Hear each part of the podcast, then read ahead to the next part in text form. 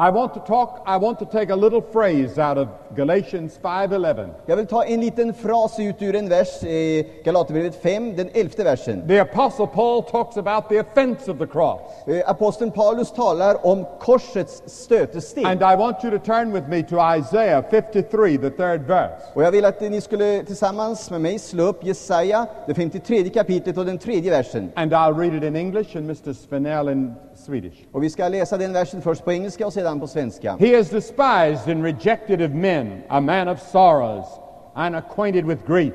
And we hid, as it were, our faces from him. He was despised, and we esteemed him not. Föraktad var han och övergiven av människor, en smärtornas man och förtrogen med krankhet. Han var såsom en för vilken man skyller sitt ansikte, så föraktad att vi höll honom för intet. Now, think about the cross for a moment. Tänk på korset ett ögonblick.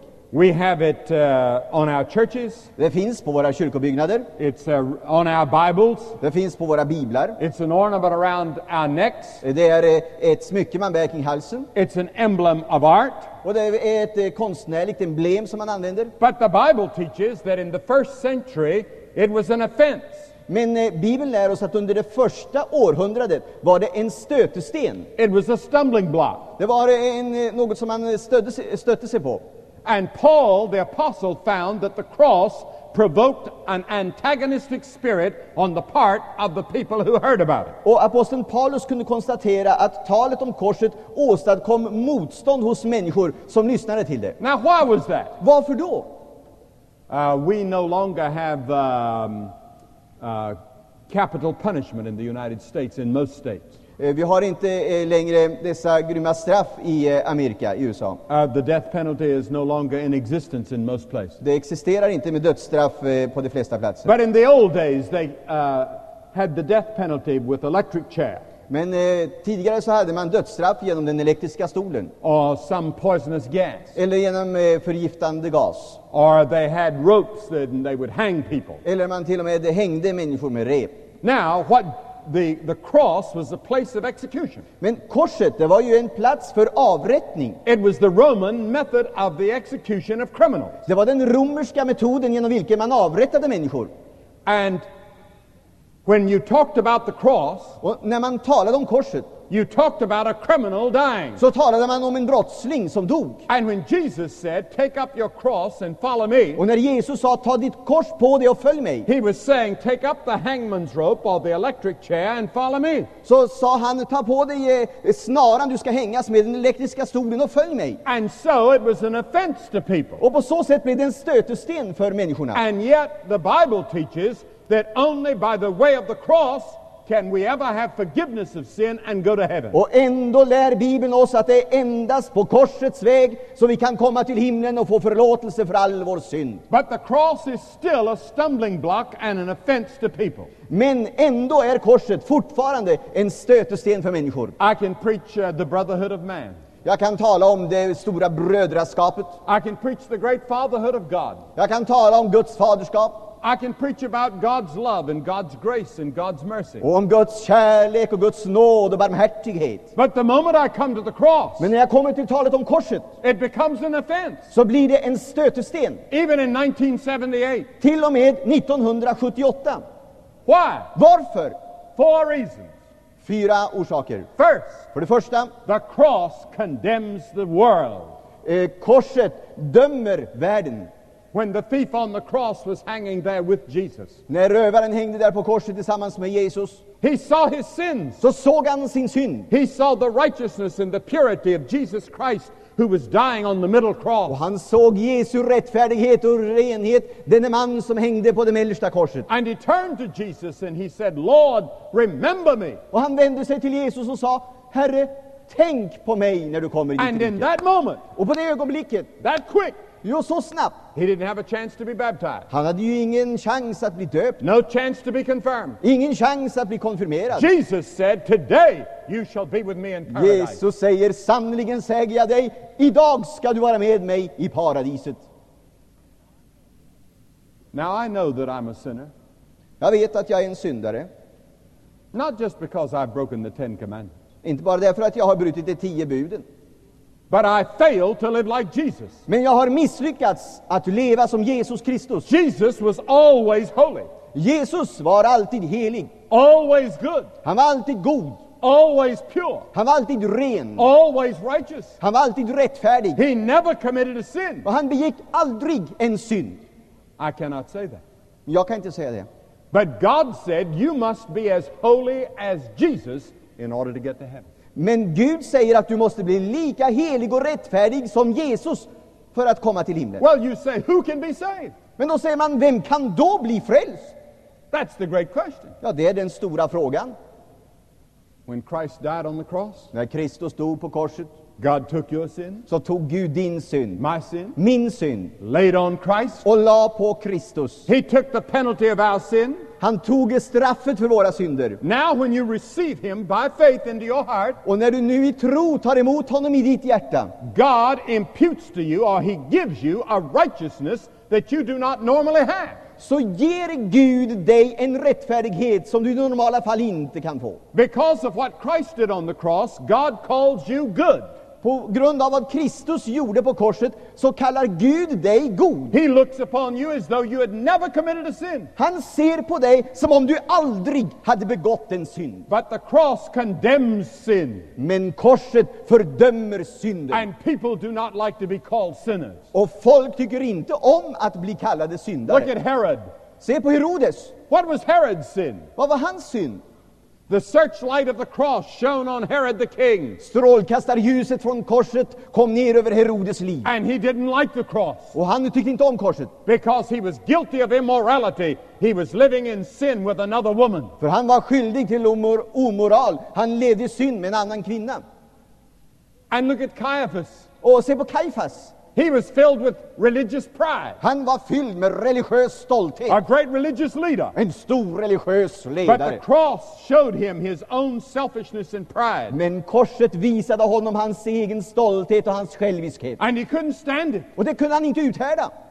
And more people are kept out of the kingdom of God because of ego and pride than any other sin. Och fler människor stängs utanför Gudsriket på grund av stolthet och själviskhet än andra synder. Because when you come to Jesus Christ, För när du kommer till Jesus you Kristus surrender your pride and your ego to Him. så överlämnar du din stolthet och ditt eget jag åt honom. And it would be like driving your motor car. Det är ungefär som att köra din bil. When my youngest son was small, När min eh, eh, eh, yngsta pojke var liten, my wife and I have a Volvo. vi har en Volvo, min fru och We jag. have that little bit of Sweden. Vi har lite grann av Sverige.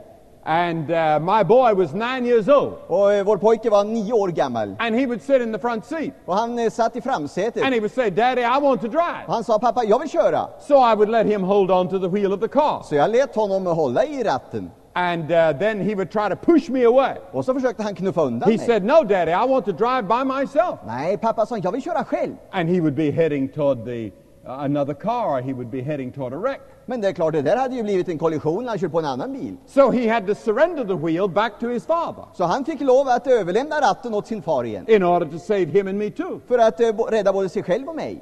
Now, that's what you do when you come to Jesus Christ. Det är precis vad du gör när du kommer till Jesus Kristus. Because he is called the Lord Jesus Christ. För han är kallad Herren Jesus Kristus. And you surrender your mind, your ego, everything to him as Lord, and he sits in the driver's seat and he runs your life. Och du överlämnar ditt sinne och ditt ego och hela ditt ja till honom, låter honom sitta på förarplatsen i ditt liv. Now look at Pilate. Se på eh, eh, Pilatus. What was Pilate's sin? Vad var hans synd? Pri- uh, fear. Och det var rädsla. He was afraid of what people would say. Han var rädd vad folk skulle säga. What will your family say if you come to Christ tonight? Vad skulle din familj säga om du kom till Kristus ikväll? What will your friends at work say? Eller dina vänner på din arbetsplats?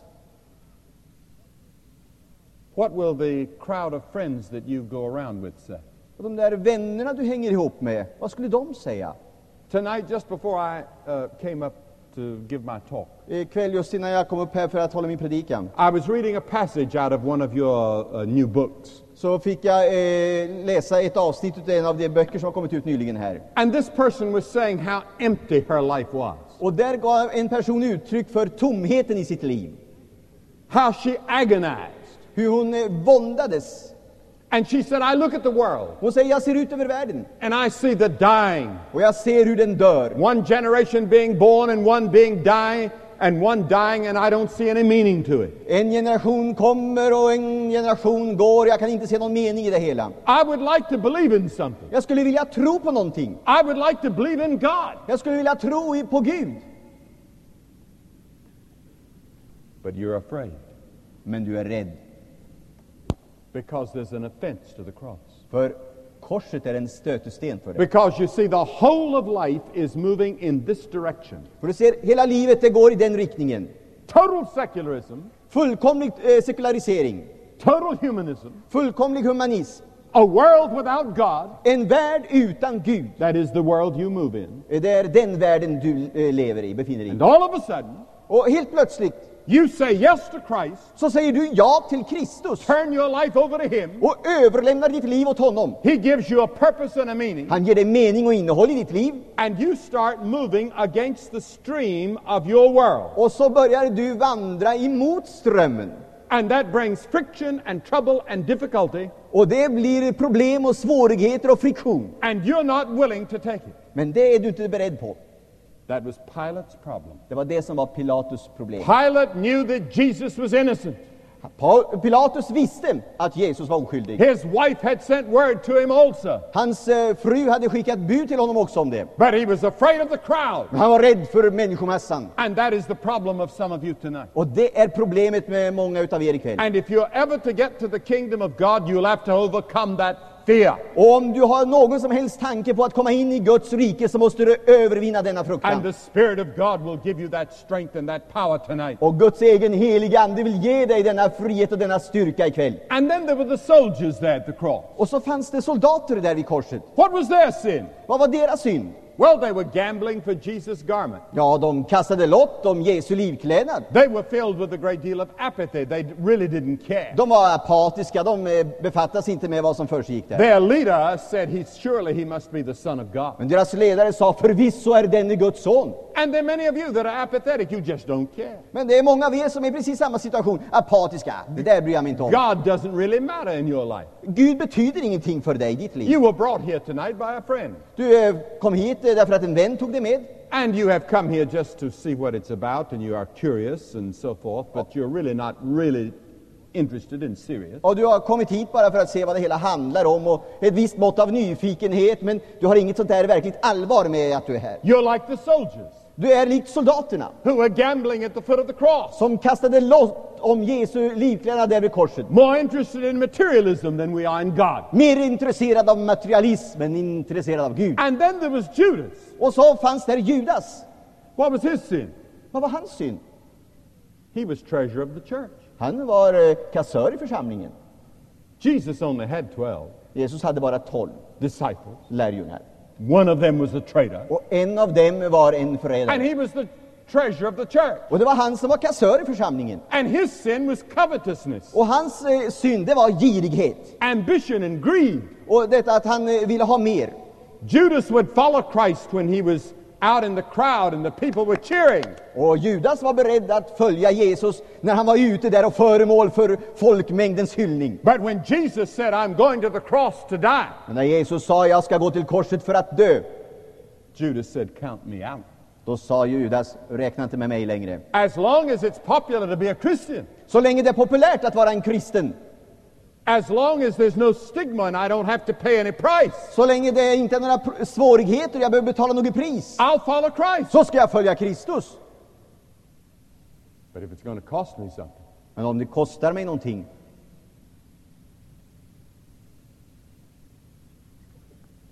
I won't give my life to it. då vill jag inte satsa mitt liv på det. Materialism can come between you and God. Materialism kan komma mellan dig och Gud. This is one of the great sins of America. Det är en av de stora synderna i Amerika. You know, many people have said, uh, You come from a Christian country. Eh, många människor säger ja, du kommer från ett kristet land. No, I don't. Men det gör jag inte. America's not a Christian country. Amerika är inget kristet land. America is a secular country. Amerika är ett sekulariserat land. Many Christians live in America. Men många kristna bor i Amerika. But America is not a Christian country. Men Amerika är inget kristet land. And it's never been a Christian Och det country. har aldrig varit det. Not since the beginning. Inte sedan början. It's a secular country in which Christians live. Det är en sekulariserat land där det bor kristna människor. What is our greatest interest in America? Vad är vårt största intresse i Amerika? Materialism. Materialism. Is that yours? Är det ditt intresse? And then there was Felix the governor. Och så har vi eh, landshövdingen Felix. Paul preached the cross to him. Eh, Paulus predikade för honom.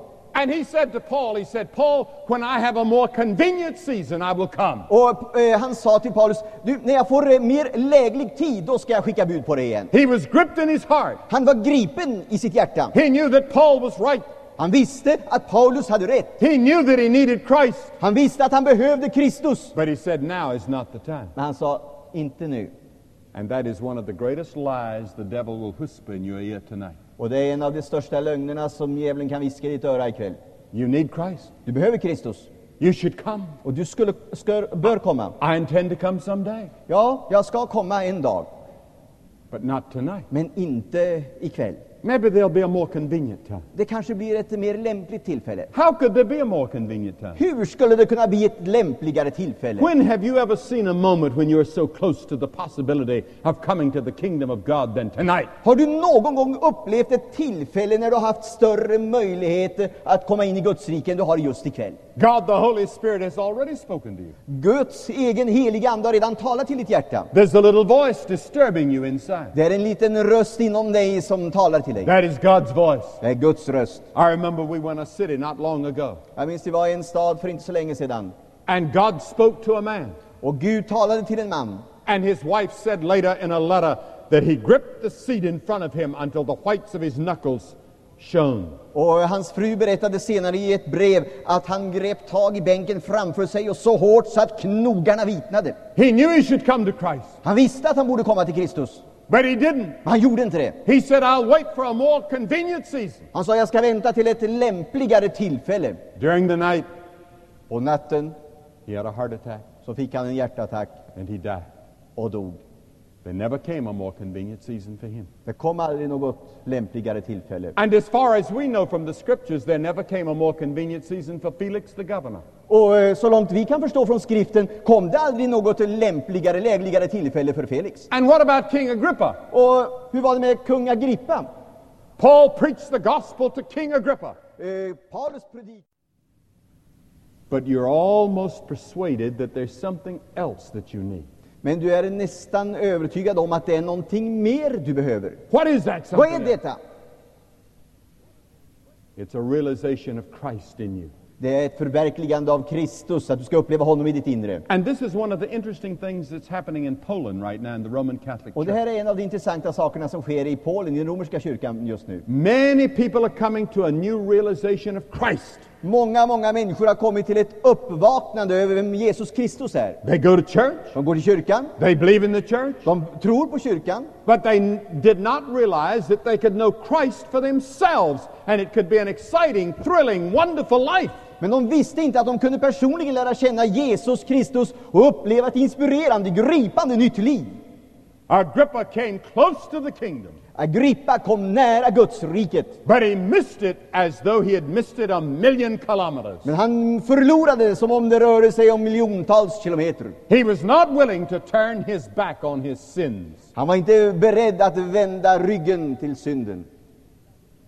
Oh, he, he, he was willing to believe in God. Han var ju villig att tro på Gud. He was willing to believe in the ethical concepts of Christianity. Och han var eh, beredd att tro på kristendomens etik. But he was not willing to come to that cross and acknowledge that he was a sinner in need of Christ. Men han var inte beredd att komma till korset och erkänna att han var en syndare i behov av Kristus Jesus. So the cross passes its sentence on all of us tonight. Så korset, det fäller sin dom över oss allesammans ikväll. And the cross says to you, Och korset säger till dig, you're a sinner. du är en syndare. You're going to die because of your sin. Du kommer att dö på grund av din synd. Not only die in this life, but in the life to come. Inte bara dö i det här livet utan i det eviga livet. And we don't like that. Och det vill vi inte. We don't like to be told we're wrong. Vi vill inte höra talas om att vi skulle ha fel. And the cross says to the whole world, You're wrong. You're under the penalty of death, and we don't like it. Och korset säger till oss allesammans, du är under syndens dom och straff, och det tycker vi inte om att höra. The Bible says that men love darkness rather than light because their deeds are evil. Bibeln säger att människorna älskade mörkret mer än ljuset därför att deras gärningar vore onda. The cross is like a great searchlight Korset är som ett sökarljus going deep into your soul som går djupt ner i din själ and showing you sins that you never dreamed were there. och visar dig synder som du inte hade en aning om att de fanns där. And then the second thing Och det andra, the cross is an offense because blood was shed there. eh, korset är en stötesten därför att blod utgöts där. And we don't like to look at blood. Och vi tycker inte om att se på blod. We turn away in horror from it. Vi vänder oss bort med förskräckelse. And yet the Bible says, Men ändå säger Bibeln, without the shedding of blood, there's no forgiveness of sin. utan att blod utgjutes finns det ingen förlåtelse för synd.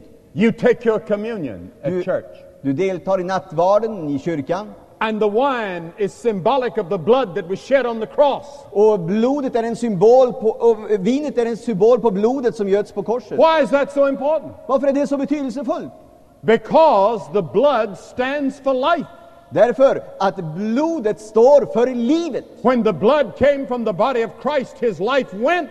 När blodet utgöts från Kristi kropp så vek livet från honom. He shed his blood for you. Han utgav sitt blod för din He skull. gave his life for you. Han gav sitt liv för dig. Now, there's some interesting things in the Bible that it says about the blood of Jesus. Det finns några intressanta saker som Bibeln talar om beträffande Jesu blod. In Romans 3, it's called the blood of propitiation. That means it's a blood of covering, it covers your sin. I Romarbrevet 3 står det talas om blodet som ett försoningsmedel som täcker vår synd. In Revelation 5 9, it's called the blood of redemption. I eh, eh, Uppenbarelseboken 5 och 9 står det talas om eh, ett blod som eh, eh, är eh, eh, Blood of redemption. ett försoningsblod, ett förlossningsblod och återlösningsblod. And then in Hebrews 9 22, it's called the blood of forgiveness. Och i Hebreerbrevet 9.22 står det talas om att det är ett blod till förlåtelse. And then in Galatians 2:13 it's called the blood of reconciliation. Och i eh, Galaterbrevet 2 så står det talas om ett blod som innebär försoning. So we're separated from God by sin, Vi är skilda från Gud genom synden. but the blood brings us together Men blodet för oss samman med Gud and cleanses our sin. och renar oss från vår synd. But because God has chosen blood, Men därför att Gud har valt blod it's an offense. så är det en stötesten. We're afraid. Vi är rädda. Why did God choose blood all the way through the Bible? Varför valde Gud hela vägen Bibeln igenom? Because sin is so ugly Därför att synden är så otäck and so bad in the sight of God och så eh, fruktansvärd inför Guds ögon. and so terrible in the sight of God Och så hemsk i Guds ögon. That He chose the ugliness of blood. Att, eh, Så att han eh, eh, valde blodets eh, otäckhet. As a symbol som en symbol. of the cleansing för reningen, and the forgiveness of our sin. för förlåtelsen. And when I get to the gate of heaven, Och när jag kommer till himlaporten, and if I'm ever asked why I'm there, och om jag någon gång frågar varför jag är där, I'm not going to say, Lord, I have read the Bible from cover to cover. så ska jag inte säga Gud, jag har läst Bibeln från pärm till pärm. I tried to help my fellow Och man. jag har försökt hjälpa mina medmänniskor. Oh, Lord, I was a member of, of the church. Och Herre, jag var ju medlem av församlingen. I'm going to say, I believed in Jesus Christ who died for me on the cross and shed his blood for me. Så ska jag säga, jag tror på Jesus Kristus som dog på korset och utgöt sitt blod för min skull. Martin Luther was once reminded by the devil of his many sins. Martin Luther blev en gång av djävulen påmind om sina synder. And uh, the devil made a list of them. Och eh, djävulen kom med en lista på dem allesammans. And Martin Luther says, Is that all? Och Martin Luther sa, är det där allt? And the devil thought of two or three more. Men eh, djävulen fick fram ett par, tre till. And then Martin Luther said, Is that all? Då sa Martin Luther, är det allt? And uh, the devil, this was in a dream I think that he had, the devil said, uh, Uh, yes, that's all. Eh, det var troligen i en dröm det här och, och djävulen sa ja, ja, det är allt det här. So Martin Luther wrote at the end of all those sins, Så då skrev Martin Luther när alla dessa synder var uppräknade. the blood of Jesus Christ, his Son, cleanseth us from all sin. Jesu Kristi, Guds sons blod renar oss från all synd. Every sin gone. All synd som man har begått. That's the most wonderful thing at night to go to bed Och det är det mest underbara som kan tänkas att gå till sängs ikväll. without guilt Utan skuldkänsla. because of the blood of Christ. På grund av Kristi blod. And then the third reason why it's an offense. Och den tredje anledningen till att eh, korset är en stötesten. The cross is an offense because it sets forth almost an impossible life to live. Eh, Korset är en stötesten därför att det eh, stakar ut för oss ett liv som det är nästan helt omöjligt att leva. If any man will come after me, let him deny himself and take up the cross and follow me, said Jesus. Jesus säger om någon vill efterfölja mig så tar han sitt kors på sig, förnekar sig själv och så följer han mig. When the crowd got too big following Jesus, När eh, människomassan som följde Jesus blev lite för stor he would suddenly turn. så vände han sig I'm going to the cross. Och så- Will you come with me? och sa jag är på väg till korset, är du beredd att följa med mig? That eliminated many people. Och det minskade ner antalet väsentligt. So that when he died on the cross, only a handful was left Så när believe. han dog på korset så var bara en handfull kvar som följde honom. You see, they wanted a kingdom and a crown. Du förstår, de ville ha ett kungarike och en They, krona. they wanted to rule and to reign. De ville regera med honom. They wanted to live in a palace. De ville bo i palats. They wanted all the blessings of the Christian life. De ville ha alla välsignelserna av det kristna livet. But they didn't want the cross. Men de ville inte ha korset. Oh, you're going to live in a palace. Åh, du kommer att få bo i palats. You're going to rule and reign. Du ska få regera. The kingdom of God will triumph. Guds riket ska triumfera. The future of the world belongs to Christ. För världens framtid tillhör And Kristus. those of us that have received him and stood with him at the cross will reign with him. Och vi som har tagit emot honom och stått med honom där vid korset, vi ska regera med honom. But by faith we must come to the cross and repent of our sins and receive him. Men i tro måste vi komma till korset och i tro ta emot honom. Oh, the cross speaks to the rich. Korset talar till de rika, It speaks to the poor. Det talar till de fattiga. It speaks to us about the starving people of the world. Det talar till oss om de hungrande människorna utöver vår värld. It speaks to us about the terrible armament race. Det talar till oss om den fruktansvärda kapprustningen. It speaks to us about being faithful in our work and our home and in our families. Det talar till oss om att vara plikttrogna i vårt arbete, att uppträda rätt i vårt, hem, och- i vårt hem och var vi är. But it speaks to us about our sins. Det talar till oss om vår synd. And it promises Och det lovar a new world. en ny värld. Sunday afternoon, the closing service, I'm going to speak on that new world when I talk on the subject, the second coming of Jesus Christ. På söndag eftermiddag när vi har avslutningsmötet så kommer jag att tala om den nya världen när jag som ämne har Jesu tillkommelse. To bear the cross means that I go back to my community, back to my family, back to my home, and back to my work and live for Christ and take my stand for Christ. Att bära korset det innebär att jag går tillbaka till platsen där jag bor, till mitt arbete, till de förhållanden i vilka jag befinner mig och vara beredd att bära korset. And I must do it openly and publicly. Och jag måste göra det öppet, offentligt. Suppose we have an ambassador from the United States Eh, tänker ni om vi hade en ambassadör från USA or from Sweden. Eller från Sverige And suppose he went to a country where the United States is not very popular. och eh, förutsätt nu att han eh, skulle bege sig till ett land där USA inte var så värst populärt And he's ashamed of his country. och han skäms för sitt land.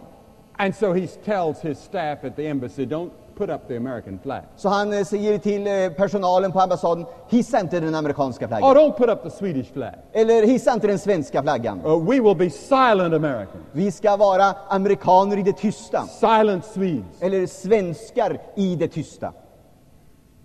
Would he be a proper ambassador? Skulle han vara en acceptabel ambassadör? No, the ambassador of any country goes and flies the flag. Nej, en ambassadör av vilket land det är, han håller fanan högt. When you come to Christ, När du kommer till Kristus you become His ambassador wherever you live. så blir du hans ambassadör var du än lever. And when they slap you on one cheek, you turn the other. Och när de slår dig på ena kinden så vänder du den andra till. The other day in Oslo, Häromdagen i Oslo we had some demonstrators. så hade vi en del demonstranter. And some of you that are watching in Oslo remember that. Och en del av er som eh, följer det här mötet från Oslo, ni kommer ihåg det It was cold and wet and rainy, Det var kallt och vått och regnade. and 20,000 people had filled the great stadium. Och 20 000 människor hade fyllt den stora stadion. Most of them were young people. De flesta av dem var unga And there människor. were a few demonstrators, just a handful, maybe 75 or 100. Och det var ett eh, fåtal demonstranter, där, kanske 75 eller 100. One of them went up to a Christian policeman En av dem gick fram till en kristen polisman and slapped him. och slog till honom på kinden. He just stood there. Han bara stod där. Slapped him again. He Och slog honom igen. Slapped him again. Och en gång till. Slapped him again. Och en gång till. Slapped him Och again. ännu en gång. And he just looked with the love of Christ. Och han bara stod där och såg på demonstranten med Jesu kärlek. It was a girl doing the slapping. Det var en flicka som slog honom. And she turned away, Och hon gick därifrån shaking her head. Och skakade på huvudet. And she walked out of the stadium with bowed head. Och hon gick ut ur stadion med böjt huvud. She had never seen such love. Sådan kärlek hade hon aldrig sett. He had put up the flag Hon hade visat flagg. of Jesus Christ. Eh, Han hade visat flaggan om Jesus Kristus. Now, of course, there come other times when he would have to handle other situations, but I had told the people, let's love them. Eh, Det är klart det kommer andra tillfällen när polismannen måste uppträda annorlunda. Men jag hade sagt till folket där att visa Kristi kärlek. This is a Christian service. Let's show Christ. Det här And är- even the policeman was showing Christ. Det här är en kristen samling och låt oss visa Kristi kärlek. Och det gjorde också polismännen. The cross of Christ also is an offense because it's the power of God unto salvation and it does not leave an alternative. Korset, Kristi kors är en stötesten. Därför att det är en Guds kraft till frälsning och det ger inget annat alternativ. It warns every person that your first duty is to get right with God. Det varnar alla människor att din första plikt är att komma rätt i ditt förhållande till Gud. Amos the prophet said, Prepare to meet thy God. Amos, profeten, säger bered dig att möta din Gud. I want to ask you tonight Jag ska be dig här ikväll are you prepared to meet God? och fråga dig, är du beredd att möta Gud? Are you? Är du beredd? Are you? Är du beredd? I asked the choir. Are Jag you? frågar körmedlemmarna. If you're not sure, Om du inte är övertygad om det, I'm going to ask you to make sure tonight. så ska jag be dig att du ikväll skaffar dig förvissning om detta. I'm going to ask you to come forward. Jag ska be dig att komma fram här. Something that is a little bit unusual in Sweden, I found out, någonting som är lite ovanligt i Sverige har jag upptäckt. but it's done all over the world. Men det görs över hela världen. And we've seen people by the thousands do what I'm going to ask you to do. Och vi har sett människor i tusental göra vad jag kommer be er göra. You get up out of your seat Du ska lämna platsen där du sitter. and come and stand for a few moments of quiet and reverence and say, Lord Jesus, I come to the cross and I surrender to you. Kommer här och står tyst och stilla och säger inför Herren, Herre jag har kommit för att överlämna mitt liv åt dig. This is symbolic Det är symboliskt of what you are saying in your heart. av vad du säger i ditt hjärta. Christ died openly for you Kristus dog off- offentligt för in dig, front of people.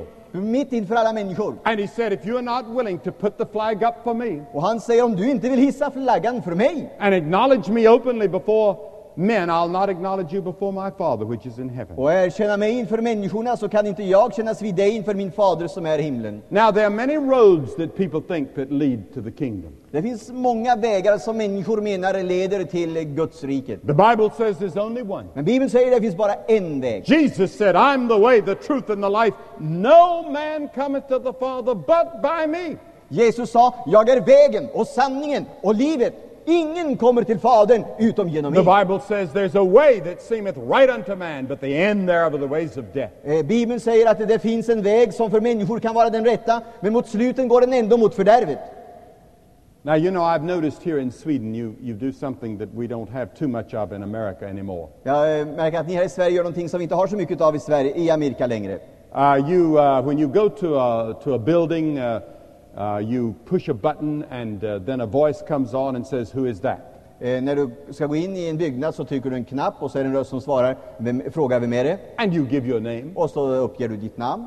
And uh, if you live in that building or have business in that building, they let you in. Och eh, om du har eh, ärenden i det huset eller bor där så blir du insläppt. Now, there are many voices today. Det är många olika röster i vår tid. Many voices are coming and whispering in our ears and saying, This is the way, Det är många olika röster som kommer och viskar i våra öron. Det här är vägen. that way, Det är vägen. this way. Där är vägen. Jesus said, I am the way. Jesus sa, jag är vägen. You come Jesus' way, Du kommer Jesus vägen. or there is no other way. Och det finns ingen annan väg. And that's the reason the cross becomes an offense, because it doesn't give you a choice. Och det är därför som korset blir en stötesten, för den ger dig inget val. You come that way or you don't come at all. Du kommer den vägen, eller du kommer inte alls. Oh, I know that you're sincere. Oh, jag, jag vet att du är allvarlig. Many of you. Det är många av er.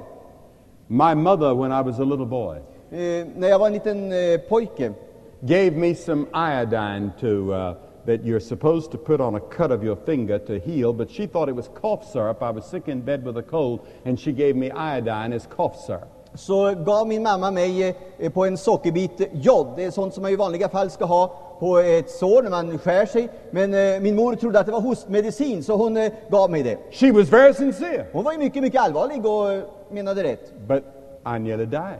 Men jag höll på att dö. And so she called the doctor quickly, Så hon ringde snabbt till doktorn. and the doctor said, Give him some cream. Och doktorn sa, ge honom grädde. And I drank the cream, and it did something into my stomach so that the iodine did not hurt me. Och jag drack och det, det skedde någonting i min mage så att, eh, som motverkade det hela så att jag klarade livet. You can be sincere Du kan vara ärlig och uppriktig, and be wrong. men ändå vara fel. The cross tonight Korset ikväll can give you new life. kan ge dig ett nytt liv. You can become a partaker of God's life. Du kan bli en som får del utav Guds liv. But more than that, Men mer än det, something else happens. någonting annat händer. The Holy Spirit Den helige Ande comes to live in your heart, kommer för att bo i ditt hjärta, to guide you, för att vägleda dig, to teach you, för att undervisa dig, to direct you, för att eh, visa riktningen av ditt to, liv. to give you supernatural power to face the temptations and the testings and the problems of life. För att eh, eh, ge dig en övernaturlig kraft att möta frestelser och prövningar och svårigheter i livet. Last night, something happened here. Igår kväll hände någonting här. There was a man from America. Det var en man från Amerika. He works in Europe. Han arbetar i Europa. He is a computer expert. Han eh, arbetar inom eh, eh, dataindustrin. And he had not been in church for many years. Och han hade inte varit i kyrkan på många, många år. And as a little boy, he had been in the church. Som liten pojke hade han gått i kyrkan. And suddenly he was walking down the street here in Stockholm. Och så vandrade han på gatan här i Stockholm. And he thought to himself, Och han tänkte för sig själv, I need God. jag behöver Gud. And he prayed Och han bad. for the first time in years. Det var första gången på många år som han bad. He said, Oh God, please send somebody to talk to me about God. Han bad, Gud, sänd någon i min väg som kan tala med mig om dig. And somehow he met some of the workers of the crusade. Och av någon anledning så mötte han eh, en del som var engagerade i den här mötesserien. And they told him that we were coming to hold this crusade. Och de talade om för honom att eh, vi hade de här mötena här i mässan. Oh, he said, I've heard of him. Is he coming to Stockholm? Och han sa, jag har hört talas om Billy Graham, är han i stan? Oh, yes. And he, he said, I'm coming. Och då, då ska jag gå dit. So last night, Så igår kväll kom han. he came, Han kom hit. he came forward, Han gick fram. he received Christ into his heart, Han tog emot Jesus Kristus i sitt hjärta. and standing beside him Och bredvid honom to give him his literature stod en rådgivare som skulle ge honom litteratur.